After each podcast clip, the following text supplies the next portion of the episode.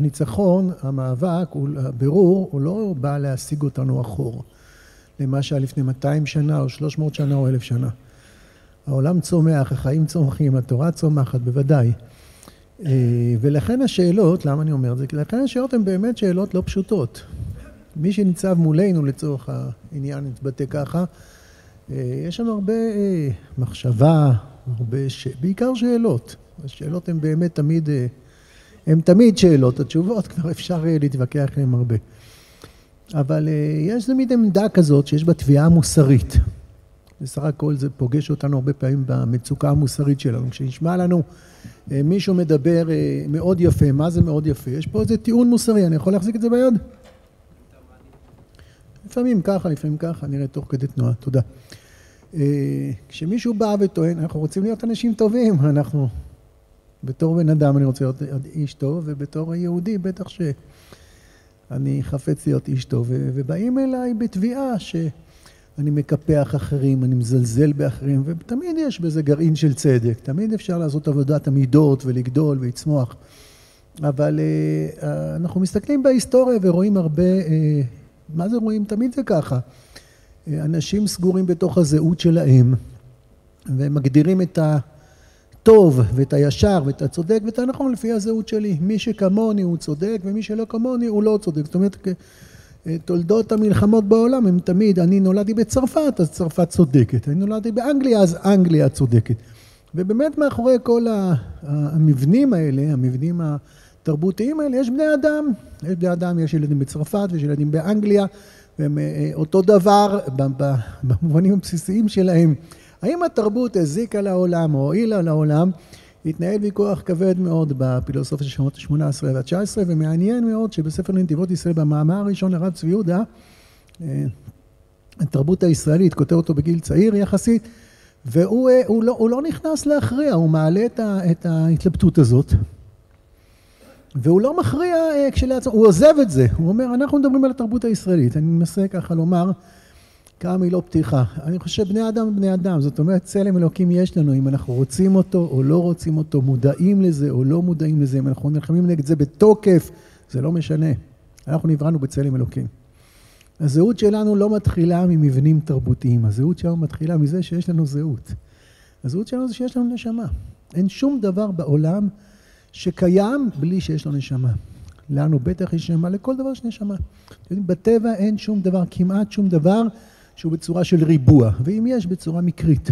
דברים מלאכותיים, דברים שבני אדם עושים, יכול להיות שאין להם, נשמה. לבורג אולי אין נשמה, ולחתיכת פלסטיק אולי אין נשמה.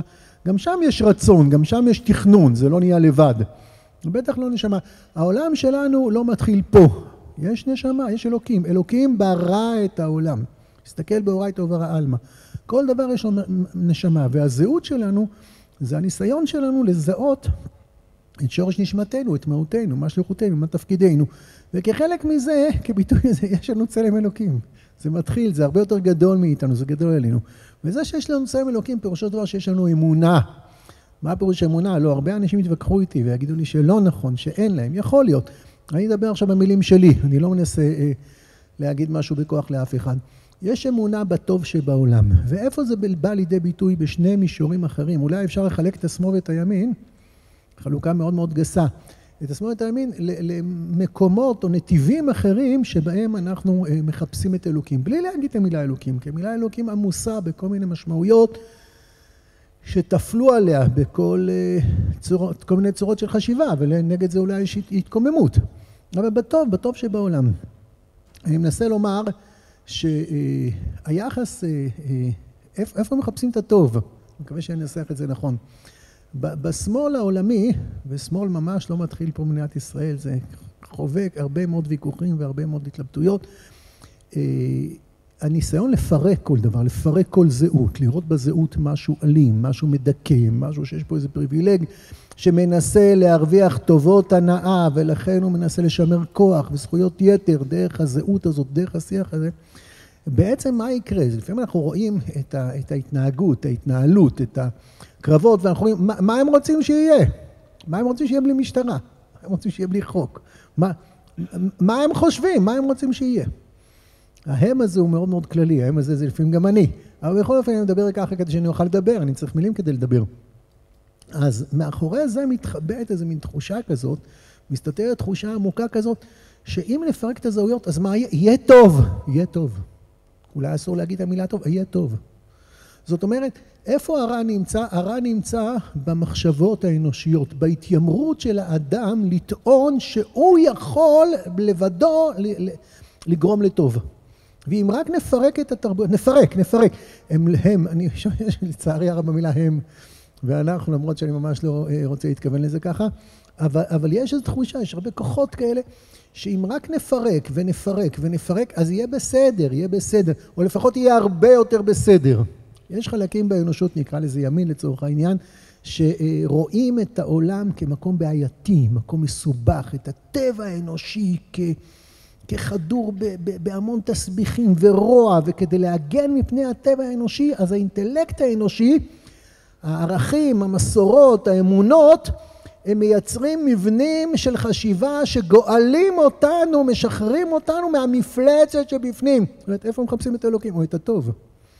יש כאלה שהנטייה שלהם לחפש את הטוב בדעת, בתבונה, במסורת, בזהות. זה מה שיעשה טוב לעולם. ככל שנשכלל, אני מתחיל הרבה הרבה לפני עם ישראל. אי אפשר להתחיל לפני עשרה יום. עברו 2,500 אה, שנה ממתי, מיום, מיום שנברא העולם עד מתן תורה. זאת אומרת שאפשר, בדרך עת שקדמה לתורה, בניסיונות להקים דרך עת שקודמת לתורה. אז, אז יש איזו מין התייחסות ש, ש, שיש קשר, יש טוב. איפה הטוב הזה? זה כבר מחלוקת גדולה. אם הטוב הזה נמצא בדעת, בתבונה, בכישרון האנושי, ביכולת להתקדם, או רק בדיוק בוא, בוא נפרק, בוא נפרק. בוא ניקח את המשפט הזה, האחר הוא אני, ונקשיב לו. הוא אני, פירושו דבר, אל תשפוט אותו לפי הערכים שלך, אל תשפוט אותו לפי הפרמטרים שלך, תן לו הזדמנות. תן לו הזדמנות. פעם משרד החינוך היה, הרים את הכותרת הזאת, ומתוך כך, הרבה תקציבים, והרבה תוכניות למידה, והרבה ספרים. מעניין, או לא מעניין, זה די צפוי, שבאותם שנים שהיה, הייתה מאוד, אה, זה משפט מקסים, זה משפט יפהפה. המילה מקסים בעברית, אתם יודעים, יש בו משמעויות אה, בעברית הרחובית עכשיו זה מאוד יפה, ובעברית המקראית זה, זה כמו כישופים קסמים. אז המשפט הזה מקסים בשתי המשמעויות שלו. הוא גם מכשף במובן השלילי של המילה. בדיוק באותם אה, שנים שמאוד אה, השקיעו באחר הוא אני, אז היה מגזר אחד שקיפחו אותו בצורה מאוד מאוד חריפה, החינוך החרדי. בחינוך החרדי באותם שנים משרד החינוך נלחמו בכוח עד כדי כך לא עשיתי שיעורי בית לפני השיחה הזאת, אבל אני חושב שאפילו בחינוך המיוחד של החינוך החרדי, כל ילד הוא נשמה תורה, אפילו בחינוך המיוחד שבאמת הלב מי לא נכמר, מה הם עשו, אז אפילו אותם קיפחו, אפילו אותם היו חלקים שקידמו את האחר הוא אני, פתאום האחר הזה הוא לא אני. וזה לא כשל שאנחנו מוצאים איזה פרט אחד, איזה אנקדוטה כדי, כי יש פה משהו שורשי, יש פה משהו שמבטא, איזה סוג של אחר הוא אני. מה, מה מאחורי המילים היפות האלה, שבואו נכבד כל אחד כפי מה שהוא. האחר הוא אני זה בעצם, אה, ההבדלים בינינו הם, הם, חסרי, הם חסרי משמעות. חסר, כשאני אומר האחר הוא אני, מה, מה הרעל שנמצא פה? זה כל כך יפה להגיד האחר מה מסוכן שם? כי האחר הוא אני, אז אני לא אני. הרי יש הבדלים כל כך עמוקים ביני לבינו. יש הבדלים שהאני הוא הרבה יותר, האחר הוא הרבה יותר ממני, בסדר, זה אף אחד לא מתכוון. זה לא צריך חידושים, כולנו נושאים עיניים לדמויות מופת, לאנשים מורמים מעם, לכאלה שהם מגדל, מגדלורים, שרוצים ללכת לשאוב מהם דוגמה אישית וללמוד מהם. הבעיה עם האחר, האחר שנראה לי טועה, האחר שנראה לי רשע גם כן. מה זה האחר העוני? יש צורות התנהגויות, האחר העוני, קודם כל בוא נשאל מי זה אני, מי זה אני. הצבה של הפרמטרים, הנחת המוצא של האחר הוא אני, שאני בסדר, ואני טוב, ואני צודק, ואני אה, אמיתי, והדעות שלי הן הדעות הנכונות, והאחר הוא לא, האחר שתמיד שללתי אותו, בואו נפסיק לשלול אותו. יש בזה ודאי הרבה אמת וצדק, מה השאלה בכלל? אחרת זה לא היה תופס, אחרת זה לא היה מקסים אותנו. אחרת זה לא היה משתלט עלינו, אחרת זה לא היה מושך אותנו. זה, זה משפט אחד שהוא דוגמה להרבה משפטים שמתבססים לזה אמת רגשית, ואולי גם שכלית, ומטשטשים את כל השלכות המשנה שנגזרים מתוך המשפט הזה. האחר הוא אני מתחיל בזה שהביקורת שיש לי על האחר היא ביקורת שצריך לסייג אותה ולהבין שמנקודת המבט שלי, אני ילד שגדל באנגליה אז אני חושב שצרפת תהיה אם האויב וילד שגדל בצרפת חושב שאנגליה אז בואו נפסיק לריב ובואו נעשה שלום וזה אה, לפעמים נכון לפעמים זה גרוע. קודם כל נקודת המוצא היא שהאחר הוא אני כאילו אני זה בסדר. מי זה אני בכלל? זאת המילה הראשונה. מי זה אני? זה, זה דבר שצריך לברר אותו בתשתית. מי האני הזה? אנחנו יודעים שבשולחן ערוך שלנו, השולחן ערוך שלנו מתחיל במילים, התגבר כארי, לקום בבוקר. לעבודת התגבר כארי. זה המשנה, המשנה אחרי שרבי יהודה בן תימה, בפרק חמישי פרקי אבות. שאומרת, ואז כנמר, קל כנשר, רץ כצבי וגיבור כארי, לעשות רצון אביך שבשמיים. מי זה אני? מה התורה מספרת לנו על עצמנו? האם התורה רוצה לדרוס את האני שלי ולהגיד לנו שים את האני שלך בצד ותקשיב לרצון אביך שבשמיים, או מה שכולנו מאמינים ויודעים, שהתורה מספרת לנו ונותנת לנו כלים לחשוף את האני הפנימי שבתוכי. התגבר כארי לעשות, לעשות רצון אביו, זה התגבר כארי להיות אני. אני הוא פוטנציאל, אני הוא גרעיני, אני זה זרע שיכול למסמס את החיים שלו ויכול לקשקש את עצמו ויכול לתת לעצמו לנוד כמו אה, אה, קנה עם כל אדוות גלים בזרם ואני יכול להאמין בעצמי, יש לי נשמה, יש בי אמת אלוקית ובשביל לזהות ולחשוף את האמת האלוקית הזאת אז נדרשים ממני, מה זה נדרשים? אני לא עושה טובה לאף אחד, אני עושה טובה לעצמי, אלוקים מסתדר מצוין בלעדיי אני עושה לעצמי, אני אז כנמר, קל כנה, שירת כזה גיבור קרי, להיות אני, להיות אני. ילד שאין לו יכולות עמל, ילד שלא שמע את המילה לא, ילד שלא יודע לעמוד מול אסור, ילד שלא לוקח אחריות, ילד שלא מפתח ביקורת אישית, הוא ילד אומלל. הוא ילד אומלל לא בגלל שהוא מציק להורים שלו, בגלל שהיכולת שלו לחשוף את האין סוף, הפוטנציאל האדיר שטמון בו, היכולות האלה הולכות ונשחקות, הולכות ונעלמות.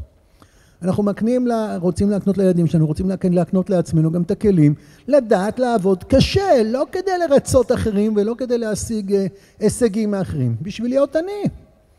יש בנו פוטנציאל אדיר שבשביל להצמיח אותו, אז אני צריך להיות גיבור כארי. אבל גיבור, השולחן ערוך פותח מילים גיבור כארי. הרי מה מיד במפה שלו מוסיף מה? ואל יבוש מפני המלגים. זה הנמר הזה. ואז כנמר, בשביל להיות אני, אני חייב להיות אז כנמר. יש שורת פתיחה. תראו, בספר אין קורס קבלה, אין תנאי קבלה בספר. מי שרוצה פותח את הספר. אז מה עושה סופר שחושב שצריך תנאי קבלה? הוא כותב בהתחלה למי הספר מיועד. אז השולחן ערוך עושה את זה. השולחן ערוך כותב שני תנאי קבלה. השולחן ערוך כותב תנאי קבלה אחד, והרמ"א כותב את תנאי הקבלה השני. תנאי הקבלה הראשון זה גיבור קרעי. לי גיבור קרעי, אז עזבו, קחו ספר אחר. הספר הזה הוא הספר הכי טוב בעולם, דרכיה דרכי נועם וכל נתיבותיה שלום. אבל בספר הזה לפעמים הוא קשה, קשה. כדי להיות אני, חכו, עזבו רגע את האחר. האם אני אני? זאת השאלה. האם אני אני? בוודאי שאני אני, ודאי, אבל כדי לרכוש חירות, אתם יודעים שמלחמות חירות בדרך כלל בהיסטוריה הן מלחמות שטבעו את המחירים הכי גדולים, את המחירים הכי קשים. וגם מלחמות החירות של האני עצמי. איך אני בונה, איך אני עומד, איך אני יודע מי אני, זו דרך לא קלה. למי שמאמין, ברוך השם, שנשמה שעתת בי טהורה היא, שאנחנו צלם אלוקים. איך מנכיחים את המילים הגדולות האלה, איך הופכות, הופכים אותם לריאליות מציאותיות? אז תנאי ראשון זה גיבור קרעי. הספר הזה לפעמים הוא לא קל. הספר הזה, אם אנחנו עושים רק מה שכיף ורק מה, ש... רק מה שמתאים, אז תסגרו את הספר בצער ובאדום קודם.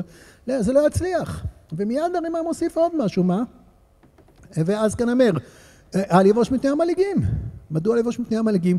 כי הספר הזה לא תמיד יהיה לו רייטינג גבוה, לא תמיד, תלוי באיזה חברה אני חי, באיזה מרחב תרבותי, ומה האנשים שמסביבי חושבים. לפעמים אנחנו נהיה במקומות שלא יהיה אף מלעיג, לפעמים יהיו הרבה מלעיגים, לפעמים המלעיגים יצמחו מתוכי, יצמחו מתוכי. הבסיס הראשון, האמונה, בעם, האמונה של עם ישראל, שהתורה לא מוחקת אותנו, כן. אני לא יכול להיות אני אם אני לא אה, יודע לגשת אל עצמי בגבורה, בתקווה, באמונה, לאיזה טוב עליון ופנימי שיכול לצמוח מתוכי. בשביל זה אני צריך לפעמים, לפני שאח... גם אני לא אני, גם אני, האמונה הזאת. אני לא יכול לקבל את עצמי, זה מה יש. האמון בשינוי, זה הדבר הראשון שהתורה מספרת לנו. אפשר לתקן, אפשר לתקן, תשובה קדמה לעולם. אפשר לתקן, אפשר לתקן פירוש הדבר שאני הרבה פעמים לחוד בתוך תפיסות עצמיות מאוד חלקיות ולפעמים גם מעוותות. אלה אני דורש מעצמי, דורש מעצמי. אני יכול, ממילא אני גם דורש מתלמידים, מילדים, בצורה מאוד זהירה. זה לא כל כך שווה שאני דורש מאחרים, אני דורש מאחרים כי חסר שבטו שונא בנו, הוא באמת שונא את בנו. משום שילד גדל בעולם כזה שמעולם הוא לא תבע מעצמו לעשות לבד. אין חינוך כזה שמורה לעשות לבד דברים ש, שהם לא קלים, שהם לא קלים כלפי עצמי. חינוך ש, ש, שמצפה, מבקש את זה, עולם כזה. אתה רוצה ולא, זה מאוד לא נעים. זה מאוד לא נעים, הילדים שלי הם האנשים הכי, הם הכי אהובים עליי, להגיד להם לא, כשאני יכול להגיד להם כן. אני לא רוצה שהם יצטערו, אבל אני רוצה שהם יהיו הם, קודם כל.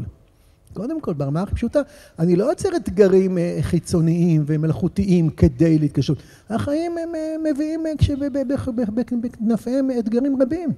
וכל הזמן להקל, וכל הזמן לפזר, וכל הזמן להילחם את המלחמות שלהם, וכל הזמן להשאיר אותם רופסים כאלה, העיקר שיעשו מה שאני רוצה שהם יעשו. אז איפה הם יכולים להיות אני? אז יש מבחן כניסה כזה, אנחנו הולכים לשולחן ערוך, אז חכו, אתם מסוגלים, לא מסוגלים להגיד לעולם שבחוץ לא, מסוגלים להגיד לעולם שבחוץ, אני שונה, אני, אני אחר, אני אחר. מי שלא מסוגל, לא מסוגל. זה כואב מאוד, אבל הוא לא יוכל ללכת במסלול הזה. זה מקום שלא יביא אותו לשום דבר. אז לפני שאני אומר לאחר הוא אני, אני חייב להיות עסוק בשאלה מי אני. אמון, להאמין בעצמי. להאמין בעצמי, להאמין לעצמי. להאמין לעצמי זה שאני אומר דברי אמת, להאמין בעצמי זה להיות מחובר לפוטנציאל האלוקי הגדול שבקרבי, לשאוף אליו, להגיע אליו, לבוא אליו. ומכאן ללכת לאחר הזה, האחר הזה. אני מרשה, אף אחד לא שואל אותי. התורה כולה מבוססת על החירות.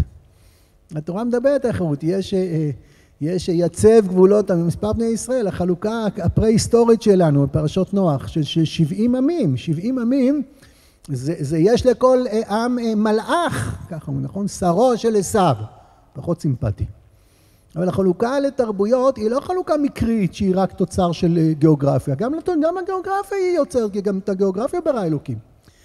יש זרמים ויש, גם בעם ישראל, יש בעם ישראל י"ב שבטי היה, יש לכל שבט מאפיינים, יש לכל שבט תקופות, כדי ליצור את מלכות ישראל. מלכות ישראל קמה, מלכות שאול 400 שנה אחרי שעם ישראל נכנס לארצל, יותר מ-400 שנה אחרי שעם ישראל נכנס לארצל. במשך תקופה של קרוב ל-400 שנה, עם ישראל עסוק באיש, איש לשבטיו.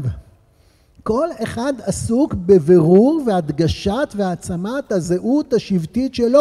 ספר שופטים, ככה את כולכם מכירים, בסוף סוף הפסוקים חוזרים עוד ועוד פעמים, איש הישר בעיניו יעשה, זה קומה ראשונה. קומה ראשונה, לפני שאני בונה משהו, אני בונה יכולת של איש הישר. לא כתוב, האיש הישר בעיניו יעשה, אז בעברית שלנו זה מתפרש כמו כל אחד עושה מה שבא לו, מה שהוא רוצה, זה ממש לא ככה. כל אחד עושה מה שישר, מה שישר. אין שם אנשים שלא עושים מה שישר. אלא מה הבעיה? שכל אחד מחליט לבד מה ישר. זה בכלל לא בעיה, זה מה שצריך להיות. יש תקופה ילדותית, וכמה היא נמשכת? כמה שהיא צריכה להימשך. לפעמים עד גיל שלוש, לפעמים עד גיל שלושים ושלוש, זה כבר מאוחר מדי. אבל יש תקופה, כמו בחתונה, חתונה צריך חתן וכלה, ואת החתן וכלה, נכון, יש הרבה הדרכות חתנים והדרכות כלות וזוגיות, איך להקשיב אחד לשני ואיך לבטא אחד לשני, בתנאי שמה? שיש חתן ויש כלה, וכל אחד מהם בנה את הזהות שלו. אנחנו לא מתחתנים בגיל 13, יש חובת אה, מצוות בגיל 12, בגיל 13. אנחנו לא מתחתנים היום בגילאים האלה הרבה, כבר מאות רבות של שנים, אולי יותר מזה, גם חז"ל כבר לא. מדוע? משום שאנחנו מבינים שבשביל להקים בית צריך פנים. צריך חתן שהוא חתן, וצריך כלה ורק שניהם ביחד, וזה מאוד לא פשוט, וזה מאוד מורכב, ואחר, אשתי זה לא אני, ואני. האומר, הגמרא אומרת בשבת, זה מדרכי האמורי. הוא בשמו והיא בשמה. כל המשחקים האלה של הפוסט-מודרניזם, אני לא יודע אם זה משחקים, הרבה, יש הרבה תבניות של חזרה לדפוסים אה, אה, אליליים שלפני אלפי שנים. דפוסים כאלה של העולם הפראי, העולם החייתי, העולם המטורף הזה, הרבה דוגמאות. אז החלפות הזהויות האלה בין איש לאישה, זה דרכיהם ודרכיהם, יש פה עיוות, יש פה איזה, איזה, איזה אה, אה, אה, רוע, אולי זה לא נובע מרוע, בסופו של דבר זה משמיד, זה משמיד את החיים. האם יש לי יכולת להיות עם שיפוט קטגורי, להגיד זה לא טוב וזה רע?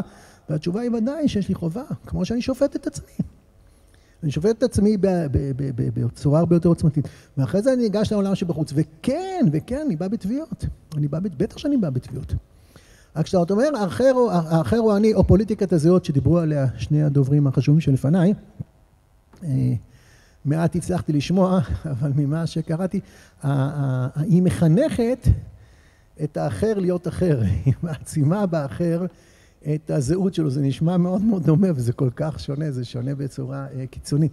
מישהי שעסוקה מאוד מאוד בקורבניות, במסכנות, באומללות. קיפחו אותך, דרכו עליך, דיכאו אותך, הפלו אותך לרעה, ויכול להיות שכל זה אמת ונכון. יכול להיות שאמת ונכון, אבל הדבר הכי אכזרי, נראה לי, נראה לי, הכי אכזרי, זה להעצים בך את תחושת הקורבנות, את המסכנות הזאת. משום שזה חוסר אמונה בזהות האלוקית של כל אדם. כל אדם. אני חושב שכל אחד פה מהיושבים והיושבות יכולים לעשות רשימה ארוכה איפה פגעו בהם, ואיפה עקפו אותם, ואיפה היו לא הגונים כלפיהם, ולמה זה יעזור, למה זה יועיל. אנחנו לא רוצה לטשטש שום דבר, ולא רוצה להתעלם שום משום דבר, ומה שצריך לתקן, צריך לתקן. אז זה מין תרבות כזאת שמעצימה את המסכן, ומרשה לו להיות מסכן, וזה בעצם ליטול ממנו את שורש חייו. זה, ליטול, זה לגזול ממנו את האמון שלו בנשמה שבקיבו, זאת הזהות האמיתית. תחתור ליעד, תחתור ליעד. יש... אה, מדיניות הרווחה בארצות הברית, זה באמת לא המומחיות שלי, פשוט קראתי אה, ספר על כך, שמגבה את עצמו בהרבה אה, נתונים, שכבר עשרות שנים ניסו אה, לתקן את הקיפוח הכלכלי כלפי אוכלוסיות שחורות בארצות הברית, והטבלאות מאוד מאוד ברורות, הנתונים מאוד מאוד ברורים. ככל שמעצימים את ההטבה הכלכלית, ככה מצבם של השחורים הולך ונהיה גרוע יותר, משום שרוצים מאוד מאוד לתמוך בנשים חד-הוריות, אז מאוד מאוד מגדילים את הקצבאות, ואז קשה מאוד לבחורה להתחתן, משום שברגע שהיא תתחתן היא תפסיד את כל ההטבות הכספיות, ש...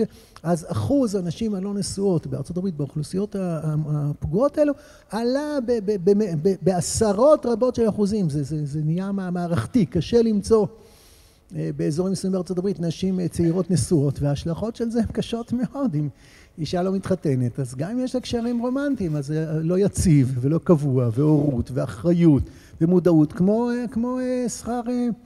דמי אבטלה, ככל שמעלים את דמי אבטלה, ככל שמעלים אותם, כי כואב לנו, כי אנחנו אנשי חסד, כי אנחנו רוצים לעשות טוב, אז יש את הסכנה הגדולה בהמשך, שמה? ש, שהוא לא ילך לעבודה, כי, כי הפער בין, אה, בין, בין שכר מינימום לדמי אבטלה הולך ומצטמצם, ואז ממילא, למה שאדם ילך לעבוד כל כך קשה כשהוא מרוויח כל כך מעט? למה שהוא יעבוד כל כך קשה? כי זאת הזהות שלו, כי שם הוא חי. כי אתה חי בצלם אלוקים, כי אין, האחר הוא אחר, הוא לא שווה פחות ממני, הוא בכלל לא מולי, אין ציר השוואה בינינו.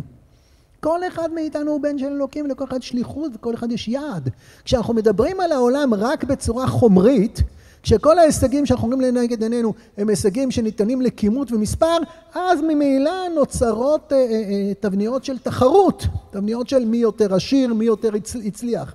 אנחנו עומדים מול אלוקים אנחנו מאמינים שכל אחד מאיתנו, בטח בעם ישראל, הוא אות אחת בספר התורה שבלעדיו הכל יהיה חלילה פסול, כל ספר התורה יהיה פסול, אבל הרבה מעבר לעם ישראל. אם יש נשמה, בראשית ברא אלוקים, זה שלושת המילים הראשונות, בראשית ברא אלוקים, בואו נוסיף שתיים, את השמיים ואת הארץ. זאת אומרת שאין פה שום דבר שהוא סתם. אם כל העולם הוא סתם, הוא סתם, אז בתוך עולם סתמי כזה, חסר משמעות, אנחנו מנסים להתנהל. ולהפוך, לנסות להסיר קצת מהרוע ומהאכזריות ומהקיפוח ולנסות קצת לאפשר לאנשים, אז אתה מנסה פה ושם קצת להמתיק את הגלולה המרה הזאת שנקראת עולם, באמת לא כל כך פשוט בעולם הזה. יש הרבה יופי ושמחה וטוב וגם הרבה סיבוכים. אנחנו יוצאים מתוך נקודת מוצא אחרת, שבראשית ברא אלוקים את השמיים, אלוקים ברא אותי, אלוקים ברא אותי. אותי בתור יהודי, גם אותי בתור בן אדם, הוא ברא אותי. ויש לי תפקיד. יש לי תפקיד ויש לי זהות. ויש לי זהות. וכשמרחמים עליי, וכש...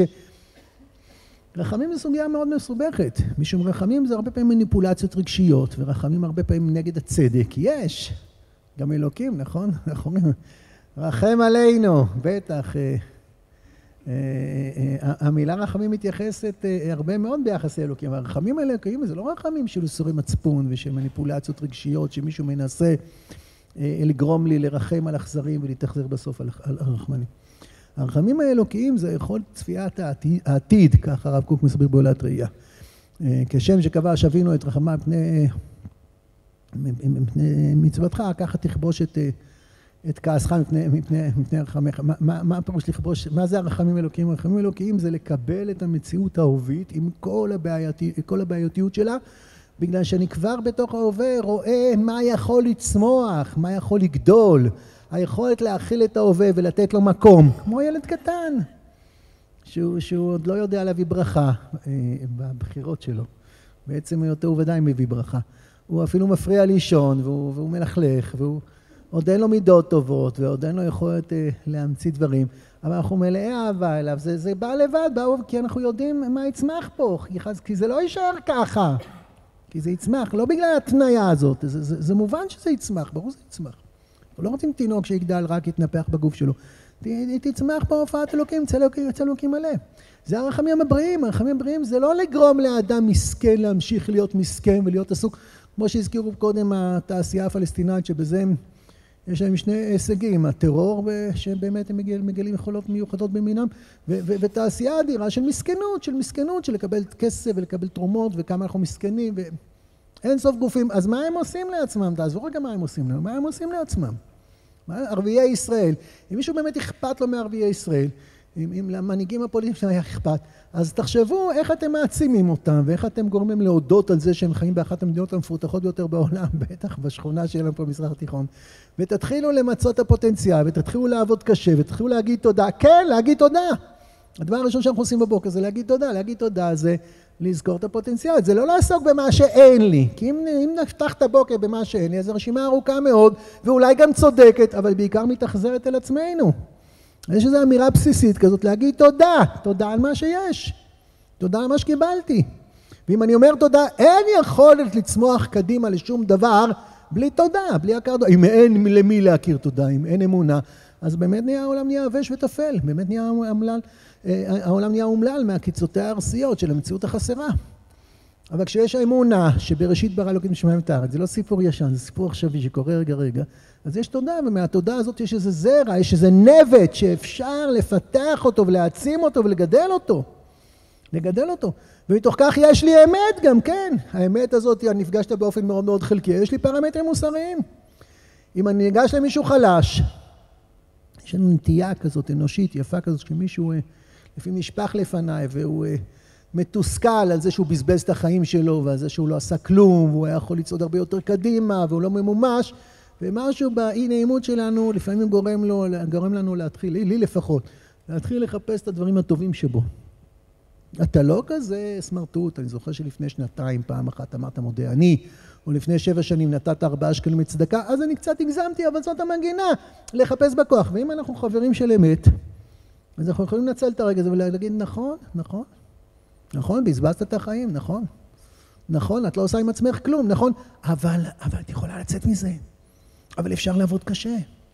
אבל אלוקים איתך, איתך, אז ת, ת, תזוזי קדימה, יש לך זהות. והזהות הזאת, המילים האחר או אני, הם בוודאי, יש הרבה ממה לקבל משם, משום ש, שיש קיפוח ויש עלבון ויש שיפוט ויש אטימות ויש גסות, שאת כל זה צריך לנקות, את כל זה צריך לכבס, בוודאי צריך לכבס. אבל יש משהו הרבה יותר גרעיני, משהו יותר גרעיני, ש, שזה לא תקין. אנחנו קראנו השבת, סידרו לנו פרשת שבוע בדיוק בשביל הנושא הזה. אז יש לנו בפרשת שבוע שני אה, סוגים של דמויות, גיבורים שלי נקרא לזה, זה הטמא שבתחילת הפרשה. טמא, טמא מת, ובסוף הפרשה הוא את המצורעים. הם נסתרים שם, והב וסופעת והב. בנחל ארנון, שירת הבאר, אז הפסוקים של התורה שבעל פה לא חוסמים את זה במפורש, אבל בתוך הפרשה חז"ל מסת... היו אה, בנחל ארנון, כולם מכירים את ה...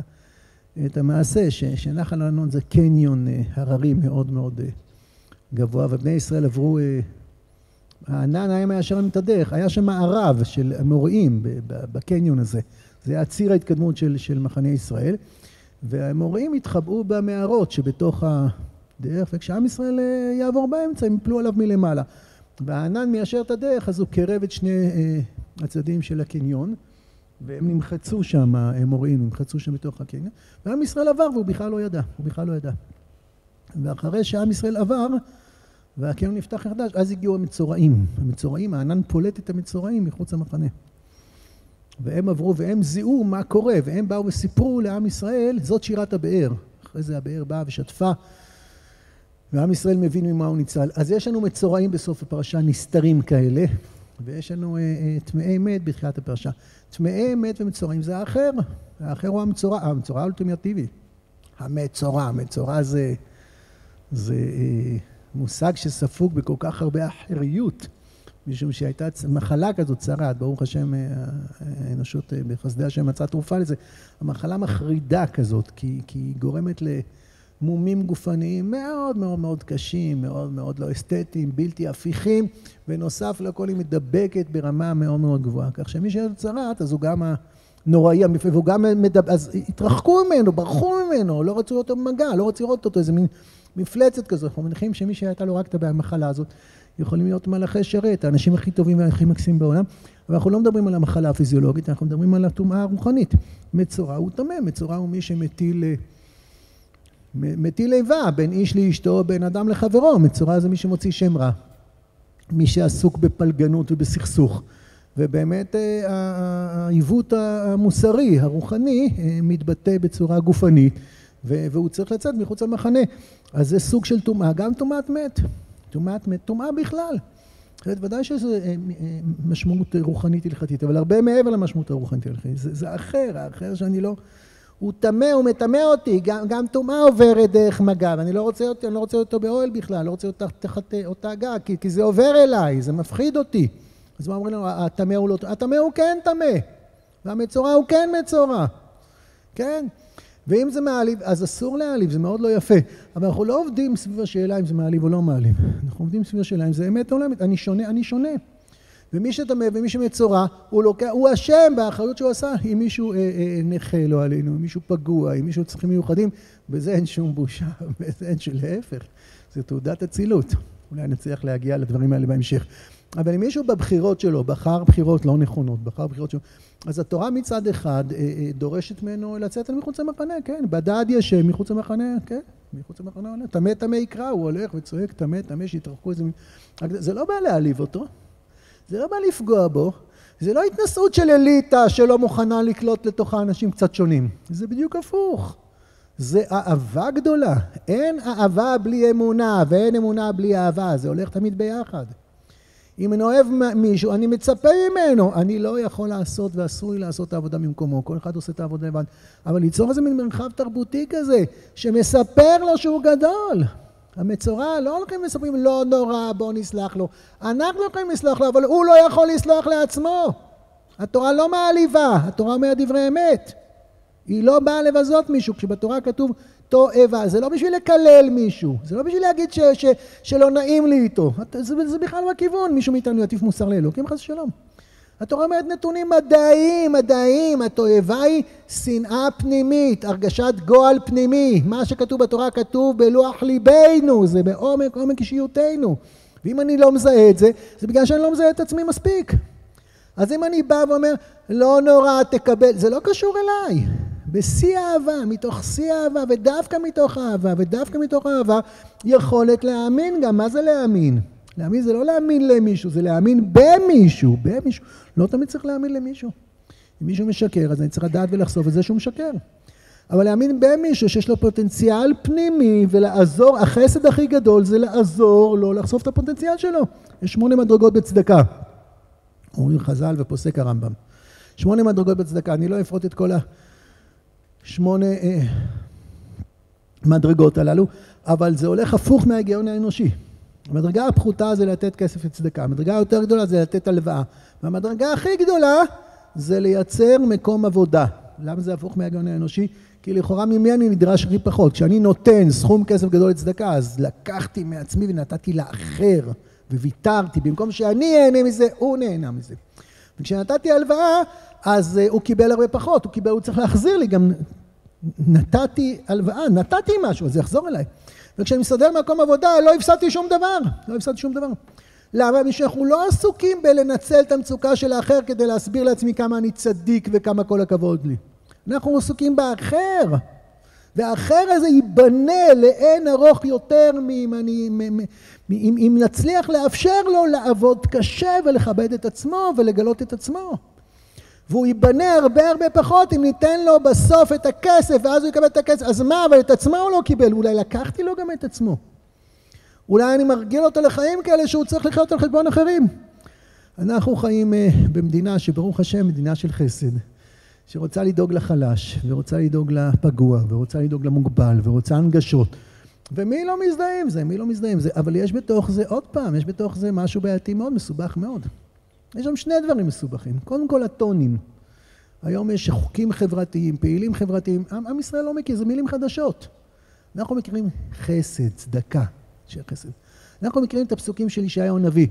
הלו פרוס לרעב לחמך ועניים מרודים תביא בית. כי תראה ירום וכיסיתו. זאת אומרת, קודם כל צדקה זה לא בדעות, זה לא דעות. חלק מהשיח היום זה שצודק זה צדיק. זאת אומרת, אני נמדד אם אני אומר את הדעות הנכונות, וזה לצערי הרב נכון לפעמים גם בימין וגם בשמאל. אבל השיפוט של בני אדם זה לפי הדעות שלהם. אם אני מחזיק בדעות הנכונות, כנראה אני בסדר. ואם אני מחזיק בדעות האחרות, אז אני לא בסדר. זה בא לידי רמה מגוחכת ונלעגת, אם זה לא היה פוגע בכולנו, בשיח הפוליטי, איזה שיח. בהתכות הרפש הפוליטיות, שמי שלא כמוני הוא גם מנוול. וזה לא לכל, לכל הכיוונים. אבל זה, זה, זה, זה בשיח האידאות, מי שסובר כמוני, אז הוא... אה, בתורה זה בכלל לא מתחיל ככה, בתורה שוב, לפני שאתה מדבר על האחר, דבר על האני. קודם כל זה קשור את עצמך ורק קשור את האחרים. קודם כל מי אני? תביעה פנימית לגדול, לגדול. אנחנו יכולים להיות גדולים, לא שיחשבו שאנחנו גדולים. המילה זכויות היא אחת המילים של צומת, אה, אה, אה, ש, שלא ניתנת לגישור בכלל. יש שתי פירושים למילה זכויות. איך אומרים זכויות בלשון הקודש ואיך אומרים זכויות בישראלית. לא תמיד יש התאמה ביניהם. לא תמיד. אז אחד הפערים הכי גדולים, מה זה זכויות? כל הקהל. אתם מכירים את שתי הפרשנויות. זכויות, זכו, בשיח העכשווי, זכות זה מה מגיע לי. זכותי! זכותי! מה מגיע לי? יש פרסומות כאלה ברדיו, אני שומע זכותי. כל מיני גופים שעוזרים מה המדינה חייבת לי. זכותי. ובשיח הישראלי שלנו, זאת אומרת בשיח התורני, בשיח העתיק שלנו, זכותי זה שירבו זכויותינו כרימון. הכוונה היא לא ל... זכויות זה המעשים שמזכחים אותי. זכויות זה... זה, זה מי, מי אני, מה אני שווה? מה אני שווה? לא מה מגיע לי. זכויות זה בעברית העכשיו זה נקרא חובות, חובות. בעברית העתיקה חובות זה מה, מה עושה אותי יותר חיובי? מה יכול לרומם אותי? תביעות, תביעות. תביעות כלפיי. כשמישהו עסוק בזכותי מה מגיע לי, מה מגיע לי, וכל כך חשוב להנגיש את העולם, כל כך חשוב לטפל בחלש, כל כך טפול, באמת חשוב, אבל, אבל, אבל אסור אני חושב, כי זה יכול להזיק, זה לא יעזור בכלל, זו הדוגמה שהבאתי מארצות הברית קודם. שכמה שמשפיעים יותר כסף, אם משפיעים מתוך אה, אה, תחושות אה, אה, תסכול, ואני לא בסדר, ואשמה, ומגיע לו, אני מאמלל אותו, אני מאמלל אותו. האוצר הגדול של האדם זה לא יכול שלא לאכול ארוחת בוקר, לגור בבית. האוצר הגדול של האדם זה, זה התבונה שלו, הלב שלו, הנשמה שלו, את זה אנחנו בעיקר מעצים. בטח גם לגוף, בטח. ישראל סלנטר אומר, תדאג לעולם הזה של האני ולעולם הבא של עצמך, לא כמו שנוהגים. ברור, אנחנו עם של חסד, ברוך השם. אבל זה לא קשור לעמדות, אם זה העמדות הנכונות, זה קשור למי אני. ככה אני ניגש אל עצמי וככה אני ניגש אל אחרים. אחריות. מי זה אני? אה, אה, כבוד כלפי עצמי. גם בתוכי יש חלקים שהם שפלים יותר, וגם בתוכי יש חלקים שמעלים. מה זה לכבד את עצמי? לכבד את עצמי זה להגיד לחלקים מסוימים שבי, לחלקים מבולבלים, לחלקים לא בשלים, לחלקים אה, אה, דלוקים, אה, אה, לטפל בהם, לתת להם מקום. לתת להם מקום. זה, זה יכול לבוא... אה, אה, זה, יש פה הרבה, הרבה טעויות, משום שלפעמים באמת אני סתם מתוסכל, ואני לפעמים סתם מדכא בתוכי חלקים, ואני סתם מאמלל. כשהתורה, התורה בראה את כולם, כשאנחנו נמצאים בעולם חסר משמעות, בעולם חסר בעולם חסר נשמה, אז זה משהו מת כזה, ורק יש נהנתנות, ורק יש סבל, אז, אז יש מאבקי כוח כאלה, מי יקבל מה, ומתי אתה פוגע באחר, ואל תהיה כוח אגואיסט. אבל כשאנחנו נמצאים בעולם שאלוקים ברא אותו, זאת אומרת, זה, זה ודאי זה העולם שאנחנו נמצאים, וזאת התודעה שלנו, אז אנחנו כולנו רקמה אנושית אחת חיה, ואין מישהו מיותר, אין מישהו שלא צריך אותו.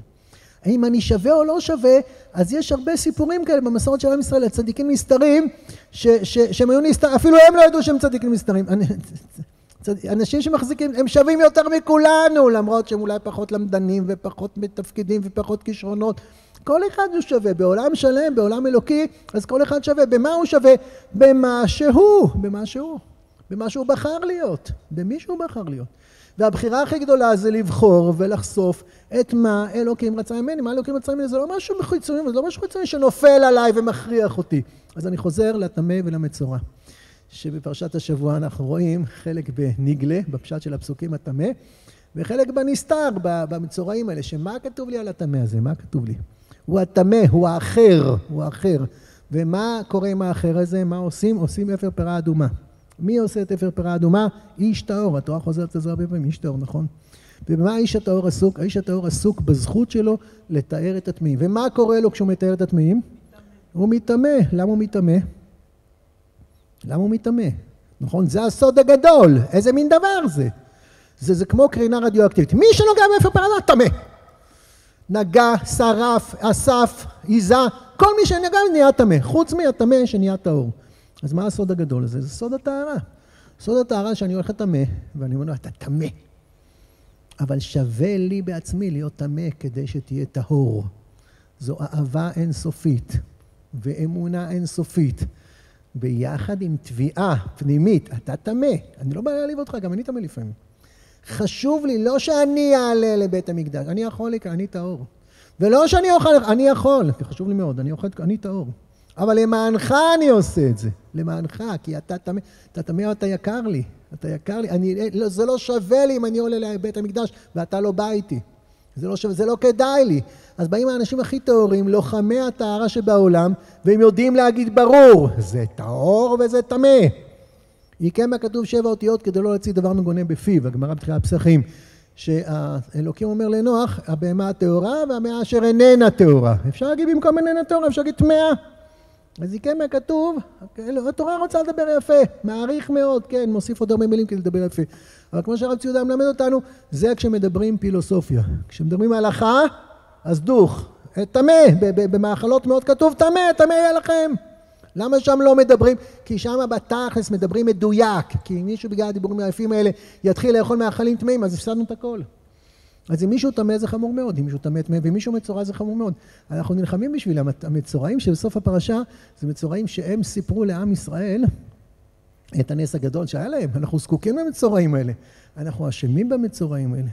זאת אומרת, מצורע כנראה זה לא רק אדם שבחר בחירות שגרמו לו לצאת מן המחנה. מתאר לעצמי, מניח ככה, מכיר ככה, שהסביבה עזרה למצורע לקחת את ההחלטות הלא נכונות.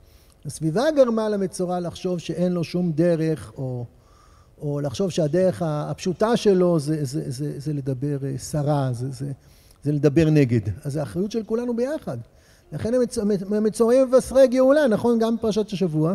הם סיפרו, וגם כולכם זוכרים את הרעב בשומרון, מצורעים לפעמים מבשרי גאולה ומבשרים לנו שזה שאנחנו צריכים גאולה, כי גם בתוכנו, אז מה אם אנחנו נראים יפה? גם בתוכנו יכול להיות שאם נקלף קצת את השכבה החיצונית, אז נראה דברים שהם לא נעימים כל כך למגע, וכל אחד מסביר לשני למה הוא מצורע, ולמה למרות שהוא מצורע מקבל אותו, אז אולי נאמין לכולם ואולי לא נאמין לאף אחד. אני מנסה לבקש לומר בעזרת השם, שהגישה הזאת שיוצרת בסופו של דבר מוסר כפול, מוסר כפול. אני תובע מעצמי הרבה הרבה, אבל את האחר אני מבין, זה, זה בוז לאחר. כשאנחנו מוותרים לאחר ומרשים לו להיות נרפש, ומרשים לו להיות בטלן, ומרשים, אני בעצם לא מכבד אותו. מה זה לכבד? מה זה לכבד? כבוד זה ברור שם כבוד מלכותו, כבוד זה אני אומר שמישהו שווה משהו. אם אני רק מתייחס יפה ורק מתחלק איתו בממון, אני לא כיבדתי אותו.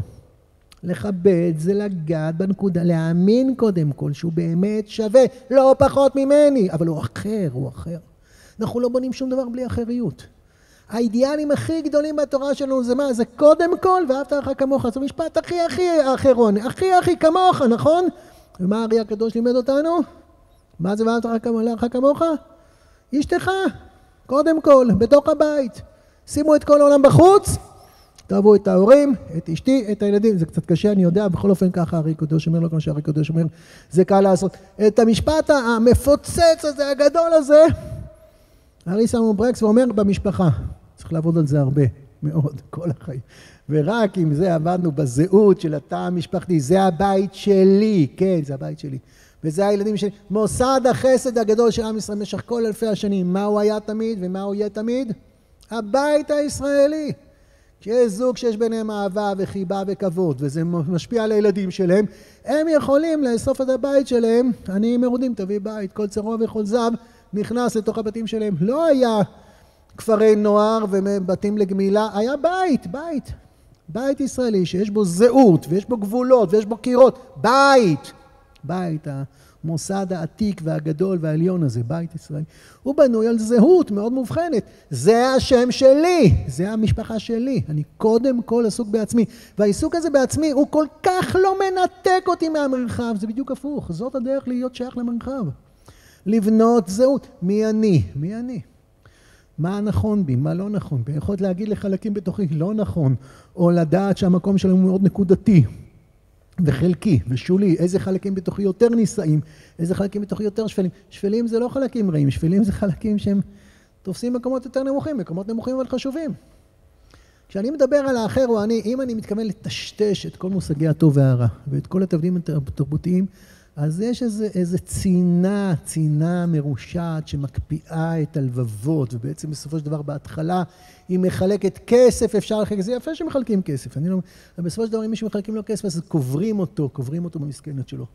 לבוא למישהו ולספר לו שהוא מסוגל לעבוד קשה. ושאף אחד לא שווה יותר מאף אחד, כי צירי ההשוואה הם לא נכונים. כי כל אחד ישאלו אותו, מה ישאלו אותו בעולם? מה ישאלו אותי? רבי זושה לימד אותי מה ישאלו אותי. ישאלו אותי אם הייתי אני. שאלו אותי אם הייתי זושה, אז זאת שאלה מפחידה. לא, זושה יהיה לי מה להגיד. אבל שאלו אותי מי הייתי אני, וזאת השאלה, זאת אימת האחריות, זה כל כובד הדין. איפה אני? ואם זאת השאלה שלי, אז החסד הכי גדול זה לעזור לאחרים, להיות אחרים, ולא אני, להיות אחרים. להיות אחרים, ולא לתש... לא לשקר, לא לשקר. יש מצבים כאלה, מיד אני אתייחס לשאלות, יש מצבים כאלה שנישואים שניים, למשל, אני אתן דוגמא, בסדר?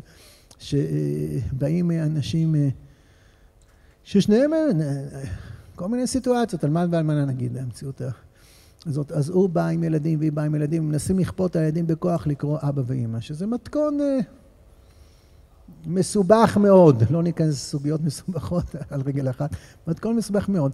זה לא אבא וזה לא אימא, הם אנשים אהובים מאוד ויקרים מאוד וטובים מאוד ואפשר לבנות מודלים נפלאים, נפלאים, נפלאים של משפחתיות גם בנישואים שניים, בהחלט אפשר, אבל באמת, לא בשקר. אבא זה מילה שאלוקים ברא לתחום מסוים של מערכות יחסים. אם אני מנסה למסמס את הכל, אני לא מוסיף שום שמחה. אני לא מוסיף שום שמחה. אני רק משקיע אנשים בדיכאונות ובצערים ובכעסים. כשאני נותן לאני להיות אני, אני מרשה לאחר להיות אחר, אחר לגמרי. זה אה, אה, לכבד אותו וגם לכעוס עליו ולבוא בביקורת. אפילו להבדיל, אפילו כלפי האויב. אני מכבד את האויב ולכן אני תובע, אני מכבד אותו באמת ואני חושב שהוא בן אדם ואם הוא בן אדם אז הוא אמור להיות מוסרי והוא אמור להתנהג נורמלי והוא אמור להיות מפלצת אני לא יכול להתייחס אליו בתור עכבישים הוא בן אדם ודווקא בגלל שאני מכבד אותו, אז יכול להיות שהמלחמה שלי בו תהיה הרבה יותר קשה וממוקדת, כי אה, אתה בן אדם, אתה מנוול, אתה מושחת, אתה לא רק רואה את הזווית, את הדברים מזווית אחרת ממני. האחר הוא אני, כשיש אלוקים, אז אני זה אני, והאחר זה לא אני, ואני מכבד אותו מאוד בתור אחר, ויש דברים שהוא יכול, הוא לא כהן, או לא לוי, או לא ישראל, או איש, או אישה, יש המון מצבים כאלה, אף אחד לא שווה באמת יותר מאף אחד. כל אחד נבחן בשאלה היחידה, כמה הוא הוא. אז אני נותן קצת זמן לשאלות. כן. רק בקול בבקשה.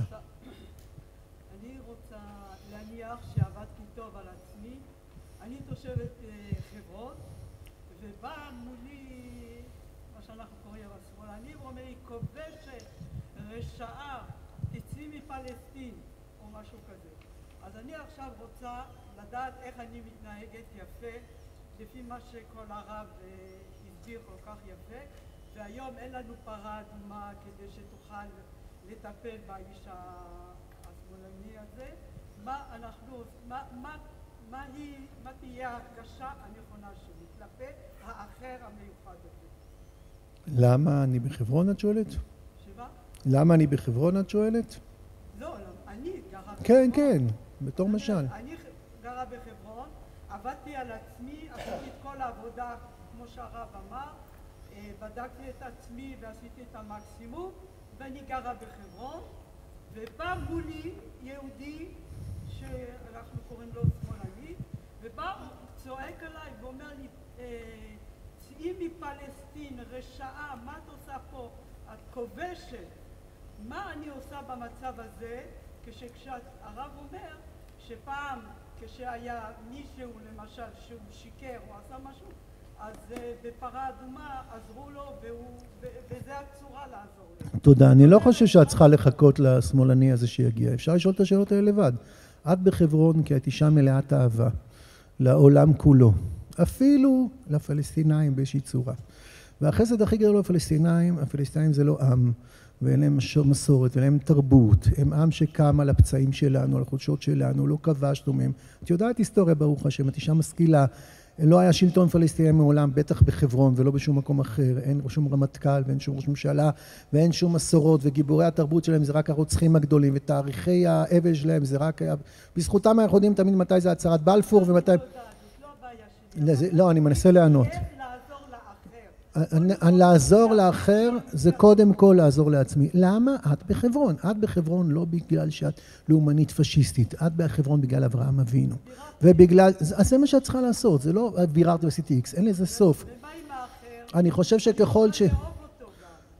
ברוך השם, אבל קודם כל לאהוב זה, שוב, לאהוב זה לא לוותר ולא לטייח. הוא יהודי, זה חשוב מאוד, אבל לאהוב זה לא לעשות בכאילו. בואו לא נגיד לרוצח, אתה לא רוצח, בעצם אתה נחמד. זה לא עוזר לשום דבר, אנחנו לא מנסים להיות נקיים.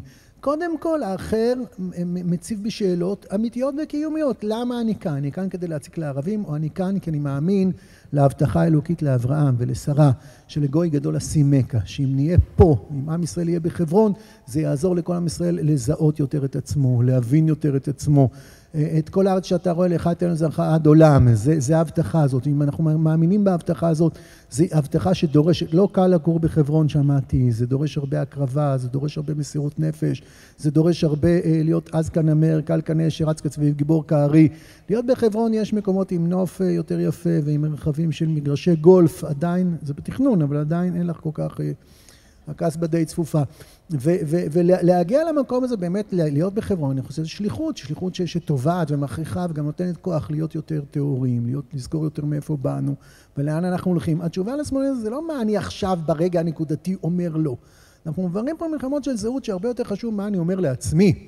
אני לא חושב שבגלל שהצלחתי להגיד איזה משפט מפתח ופוצצתי אותו ואין לו מה לענות וניצחתי בוויכוח זה עושה משהו. הדברים האמיתיים בחיים זה לבנות את הזהויות שלנו, זה להעמיק שורש בתוכנו, לשמוע ביקורת מאחרים ולדעת מתי הביקורת זאת נכונה ועניינית וצריך לתת עליה את הדעת ומתי הביקורת היא קנטרנית ורק רוצה לדכא אותנו ואז לאטום את האוזניים שלנו לשמוע אותה. זה, זה שאלות ש... ו, ולפעמים אה, היא ביקורת נכונה, אבל אני עכשיו לא פנוי ואין לי את הכוחות, קימה קימה, לאט לאט אני אתקדם לכבודה. אני לא הייתי רוצה לקחת את זה ל, ל, ל, לנקודתי, למיד ככה. התורה, אני לא חושב שברוב המקרים עובדת ככה. יש בתורה את הצד ההלכתי שאומר לי בדיוק מה לעשות בכל רגע, ויש בתורה, הדבר שיותר אנחנו מנסים עכשיו לגעת בו, זה אמונות ודעות, זה אהבת השם ויראת השם והלכת בדרכיו. אנחנו רוצים ללכת בדרכיו. אלוקים רצה שנגעו בחברון, וזה צריך לרומם אותנו ולהסביר לנו למה, למה באמת, אבל, אבל רואים את זה עין בעין. אם תלכי מחברון ותקום שם פלסטין, אז יש לנו מודלים די משובחים בעזה, בלבנון, בעיראק, בסוריה, באיראן, במצרים, בירדן, כמה פריחה תהיה שם לפלסטינאים. זה גם לא כל כך מסובך להבין את זה, אבל אני הייתי יותר מנסה להבין איך האחר הוא לא אני, מגן על עצמי, מעצים את עצמי. אני חושב שהתרומה הכי הכי גדולה של כל אחד למרחב, זה בתנאי שאני אהיה אני. האני שלי יהיה הרבה יותר משובח, הרבה יותר מזוהה, הרבה יותר ודאי. ומתוך כך אני אוכל להתבונן באחר ביותר שלווה, ולהעביר לביקורת כמו שאני מעביר על עצמי ביקורת. וכשאני אוהב את עצמי, אז דווקא אז אני בוחן איזה ביקורת אני מסוגל להכיל, ואת הביקורת שאני מסוגל להכיל, אני הופך אותה למנוף לצמיחה. אם הצלחתי לענות פחות או יותר. בקיצור, אין לך מה להגיד לו, בשלב הקצר. כן.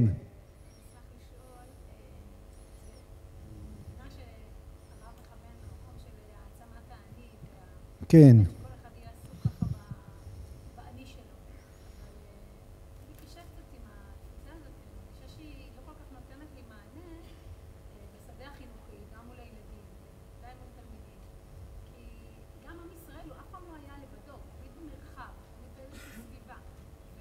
זה פרשת שבוע, את קצת מפספסת. ככה בלעם אומר, אין עם לבדד ישכון, הוא תמיד היה לבדו. הסוד הגדול שלנו שתמיד היינו לבדו. אין עם לבדד ישכון וגומלין להתחשב, זה העם הכי קוסמופוליטי.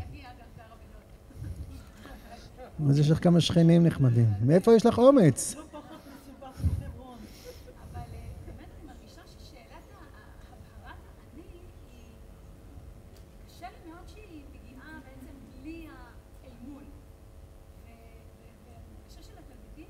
וגם לאחר שהוא לא בטוח מי הוא. אני מרגישה שאצל תלמיד- אצל התלמידים שלנו, שאלת ה... אני עוד לא יודע מי אני, אז תדברי אליי במרחב האפור הזה, זה דבר שהוא מאוד מאוד מאוד קשה. כי אם אנחנו לחוצים מדי, אני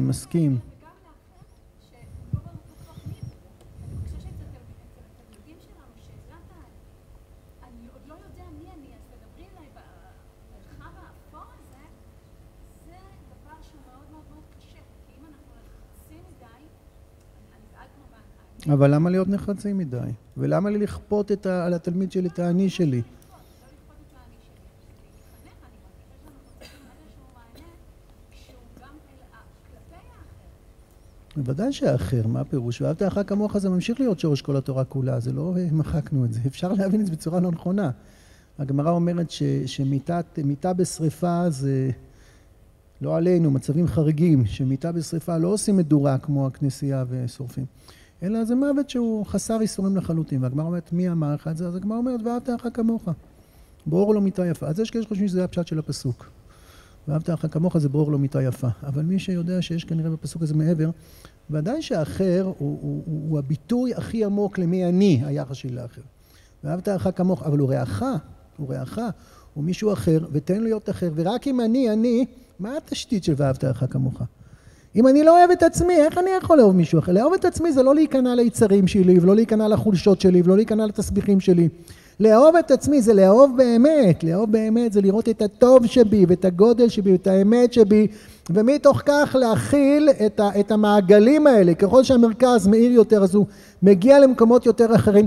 בחסד, בברכה, בטח שלתת לאחר, אבל להתווכח זה תמיד העצמה של זהות. איך, איך, איך בונים תלמיד חכם? תלמיד חכם נכנס לישיבה, ממית עצמו בעולה של תורה, סוגר את עצמו, הוא, הוא כביכול מנותק, הוא אפילו דוחה את השירות הצבאי שלו, ואחרי זה יוצא, אחריו ציודק וחסד סמנדרה, יוצא אדם עם זהות, יוצא אדם מדמות. אני חושב שמיד מטשטשים ילד קטן ומראים לו שכולם חושבים ההפך, ופה ככה ופה אחרת. ילד גדל בעולם שהוא צריך להיות עם גבולות גזרה, לא הכל יודעים, ההורים לא צריכים לדעת, אבל ילד וגם מבוגר גדל, כן, זה אני, זה אני. יש היום חלק מה, מהמניפולציות, חלק מהוויכוחים זה, זה לשחק על המצפון, זה לגרום לך להרגיש לא נעים עם עצמך, להרגיש שאת פרימיטיבית, ואז במצוקה חברתית, היכולת, עמוד שדרה, עמוד שדרה, להגיד כן, אל יבוש מפני המלעיגים, זה אני, זה אני, אני מסוגל שיחשבו עליי שאני לא נחמד, אני מסוגל שיחשבו עליי שאני לא יפה. אני מסוגל לא להשפיע, אני מסוגל לאבד עמדות כוח. יש בי בזהות שלי דברים שיותר חשובים ממה אומרים עליי. וכשאני מסוגל להגיד את זה, וכשאני מזהה את עצמי, אז אני מסוגל לראות את הטוב באחר באופן אמיתי, ומה טוב בו ומה לא טוב בו, ואז אני מסוגל גם לבוא בתביעות אל האחר. מי שלא בא בתביעות אל עצמו, איך הוא יכול? אין לו כוח מוסרי בכלל לבוא בתביעות לאחרים. וכשאני מזהה את עצמי, אני מברר, אני, אני נסג... בתוך, קודם כל בתוך המשפחה, ואחרי זה בתוך הקהילה, אני אהיה ערך קרובים. ומי ששוכח את המשפחה ואת הקהילה שלו ורץ לספר לכולם, אז זה תלוש, זה דיבורים מאוד יפים ומאוד מרפאים ידיים, אבל הם לא מוסיפים כלום. אני בונה את ילד חייב להיות שמח בעצמו ובעולם שלו, עולם ברור, וכן, לכל הכיתה יש פלאפון ולך לא יהיה, מותר להורים, הורים שלא אוהבים וכל הזמן עסוקים במה הילד יחשוב עליי, אז הם נכנעים לכל גחמה של ילד. אבל יש להורים, אם יש להורים אמת ויש להורים גודל, אז הם נלחמים, והילד יודע שנכון, ההורים שלי לא קונים לי פלאפון כזה, אבל אני קיבלתי בתמורה לזה הורים שמרעיפים עליי אהבה ואמונה וחום. אם אנחנו מרעיפים עליו, אם לא, אז לא. ילד לא צריך עכשיו ללמוד פילוסופיה וכל רוח רעה שנושבת, אנחנו צריכים להסביר, תשמע, בעצם כן ובעצם לא. יש לנו אמת ברורה, זה כן וזה לא, אנחנו מכבדים אחרים, אוהבים אחרים, גומלים חסד אחרים, זה אנחנו, זה האמת שלנו. וזה גם כי יזקין לא יסור ממנה. הכנס הזה הוא uh, כל כך מעט, כל כך מבורך, כל כך מעט בכל סוגיה שנוגעים בה, פותחת אין סוף. אני מאחל לכולם בעיקר שתהיה פה תסיסה וחשיבה ועשייה. נסיים בשאלה שלך כי אני כבר חורג ממגבלות הזמן, כן.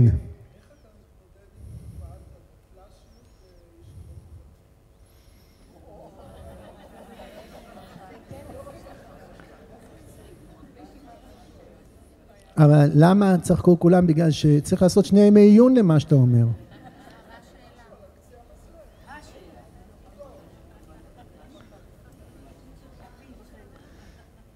אני, אני נעלם מרוב... זה השאלה, אתה צודק. בסוף הכל יתנקז לילדים שלנו. בסוף. בחיבוק אדיר, אבל לא בחיבוק שאומר לו נורא. אני קודם כל בוכה. קודם כל בוכה. אני לא מטייח. אני רוצה אותו אצלי, אני אוהב אותו, הוא יקר לי, הוא הבן שלי, אבל אני אני. ואם הוא עושה מעשים שהם נוגדים את הערכים ואת האמונות שלו, הוא יודע טוב את זה. הוא יודע שזה לא מפחית האהבה שלי אליו ולא את האמון שלי אליו, אבל זה ממשיך ישר. אני מאוד אוהב ומאוד מאמין ומאוד מחבק ומאוד מחזק. הבעיה אצלנו בציונות הדתית שילד אה, נהיה דתל"ש, אז זו בעיה חינוכית גדולה. למה? כי, כי הוא נהפך לכוכב של המשפחה, כי כל כך מפחדים לאבד אותו, אז עוד יותר מחבקים אותו, ואז כל שאר הילדים אומרים, רגע, מה זה...